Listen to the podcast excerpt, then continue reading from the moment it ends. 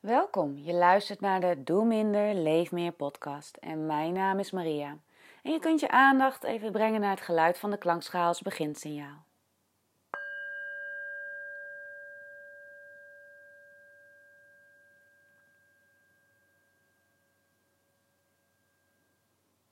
En in deze podcast ga ik graag met je in, uh, oh, uh, oh, pardon, ga ik graag met je in uh, op het onderwerp over vriendelijk zijn voor jezelf. En deze podcast is de vijfde in een serie van vijf in totaal. Dus we zijn bij de laatste podcast beland over het thema loslaten. En er zijn nogal wat thema's voorbij gekomen. Uh, we zijn ingegaan op controlebehoeftes. Uh, we zijn ingegaan op de automatische piloot en of je misschien vertrouwen durft toe te laten in je leven. Uh, we zijn ingegaan op alle rollen die je inneemt in het leven en of daar rollen zijn die je kunt loslaten. Um, emoties en hoe je daarmee omgaat. En um, er zijn nog zoveel meer dingen die ik je kan vertellen natuurlijk over het begrip loslaten. Um, maar ik denk dat het vooral ook belangrijk is dat je dingen leert toelaten in je leven. Zo heb ik al eerder verteld over vertrouwen. En um, vriendelijk zijn voor jezelf betekent dat je liefde uh, toelaat in je leven, voor jezelf. En dit is een onderwerp wat soms wel eens een scheve wenkbrauw zo kan uh, brengen. Zo van, ah, wat bedoel je? Dat hele onderwerp liefde voor jezelf, vriendelijk zijn voor jezelf, zelfcompassie, kan soms ook best wel wat emoties oproepen. En um, ik wil je graag meenemen in waar dat vandaan komt en hoe jij daarmee om kunt gaan. Want als ik tegen je zeg van, goh, wees gewoon wat vriendelijker voor jezelf. Um, ja, waarschijnlijk wil je dat wel. Alleen is het soms ook gewoon van, ja, hoe dan? Hoe kan ik vriendelijker zijn voor mezelf? Um, en ik vond dit bijvoorbeeld zelf ook wel een lastig onderwerp toen ik daar ooit mee in aanraking kwam. Van oké, dus ik ben blijkbaar streng voor mezelf. En hoe zit dat dan? En hoe werkt dat dan? En dat is iets um, wat, je, wat we eh, op deze manier samen even gaan verkennen. Ik denk namelijk dat jezelf vreugde toewensen en uh, vriendelijkheid toewensen, maar ook dat je ook mag genieten van dingen. Um, dat willen we natuurlijk allemaal graag. En we, en we zijn ook echt op zoek naar ontspanning en ons fijn voelen. Maar jezelf echt toestemming geven van ik mag vreugde ervaren. Dan komen we soms wel eens wat bij overtuigingen terecht die we al heel lang hebben. Namelijk, uh, ik ben het niet waard. Of ik ben niet goed genoeg. Of wie ben ik om hier zo van te mogen genieten. Terwijl er nog zoveel andere dingen zijn. En deze overtuigingen zijn soms heel erg hardnekkig. Um, deze hebben gewoon een grote rol in alles wat je doet. En het maffe van deze overtuiging is dat je ze niet altijd doorhebt. Ze sijpelen als het ware zo door je leven heen. En um, ze weten heel goed, zeg maar, onder de oppervlakte aanwezig te zijn. En zonder dat je het doorhebt, heeft het heel veel invloed op hoe jij jezelf liefde en vreugde toelaat in je leven. En Um, dit gaat ook een beetje over de verhalen die je jezelf vertelt over jezelf, wie jij bent. Vaak vertellen we onszelf verhalen over wie we zijn. En als je echt gaat kijken naar het hier en nu, dan zijn deze helemaal niet reëel en ook helemaal niet waar. Deze verhalen komen misschien voort uit een moment in je jeugd dat jij besloot van nou, nu ga ik gewoon alles zelf kunnen en ik ga het zelf doen. En niemand die mij meer vertelt hoe ik het moet doen, ik bepaal het. En met die overtuiging en met dat verhaal ga je verder je leven in. En kom je op een punt dat jij eigenlijk vindt dat jij altijd alles onder controle moet houden. En dat als jij niet de boel in de gaten houdt, dat alles in de soep loopt. En voor je het weet ben je continu hard aan het werk om alles, alle ballen in de lucht uh, te houden. En op het moment dat je op onderzoek uitgaat van hé, hey, maar welke verhalen vertel ik mijzelf dan eigenlijk? En um, welke overtuigingen heb ik eigenlijk over mijzelf? En zijn die eigenlijk wel waar? Dan heb je een mogelijkheid om een beetje los te komen van wat je jezelf vertelt. En dat betekent niet dat ze helemaal poef ineens helemaal weg zijn. Dat betekent wel dat als je ze hoort opkomen bij wijze van spreken, dat je weet, aha, daar is dat verhaal weer dat ik mijzelf vertel. Is dat op dit moment waar? En zo kun je veel meer gaan samenwerken als het ware met je eigen uh, rare gedachten die gewoon voorbij komen. Ik vertelde al in de vorige podcast dat meditatie en bewustzijnsoefeningen, zoals weer leren ontspannen, best wel kunnen helpen bij het beter um, observeren van al die gedachten die er voorbij komen. En mindfulness helpt hier erg bij, omdat het vooral gaat over dat je jezelf uh, weer aanleert om afstand te mogen nemen wat er allemaal bij jou gebeurt. En zo zie je ook veel scherper de verhalen die je jezelf vertelt, uh, de gedachten die voorbij komen. En creëer je wat meer keuzeruimte in of je ze volgt of niet.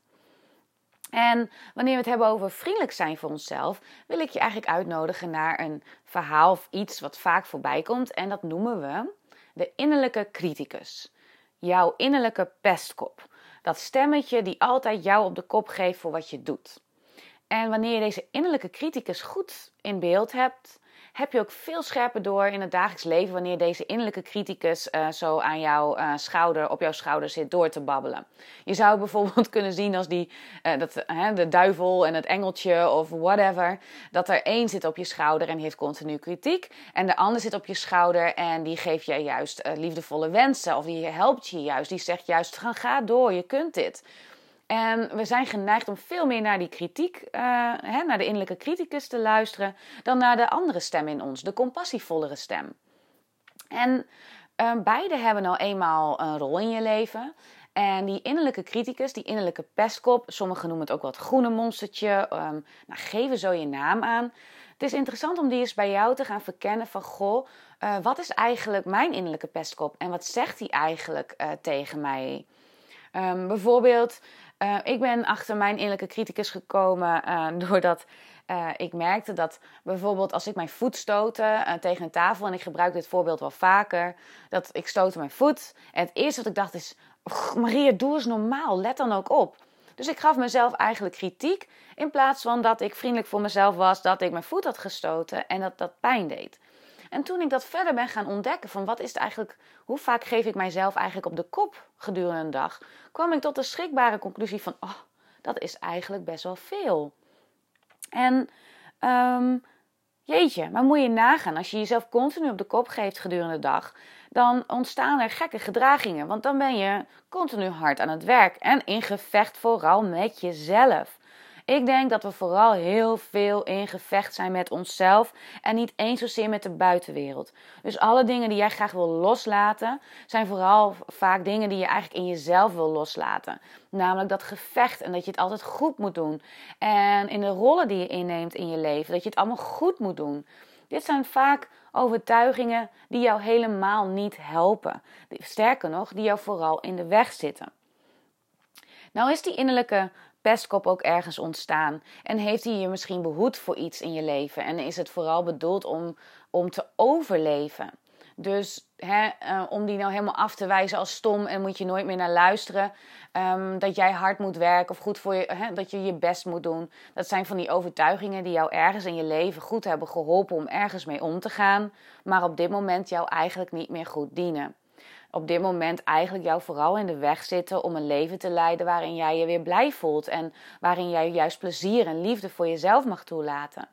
Want wanneer wij dat niet doen, dan is het dus heel lastig om momenten voor jezelf te maken en goed voor jezelf te zorgen. Omdat je onbewust altijd luistert naar die stem die vindt dat er altijd wel wat beters te doen is, dat jij dit niet verdient en dat het dus eigenlijk niet mag van jezelf. Zonder dat je het soms doorhebt. Hè? Dit kan heel onbewust zijn. En juist als je daarnaar durft te luisteren, kan ook die compassievollere stem weer wat meer aandacht krijgen. Die juist tegen jou zegt van, hé, hey, dit is helemaal niet waar wat jij nu jezelf vertelt. Gun jezelf dit, dit mag jij het is oké dat jij mag stralen. Het is oké om gelukkig te willen zijn. Het is oké om goed, een goed mens te zijn.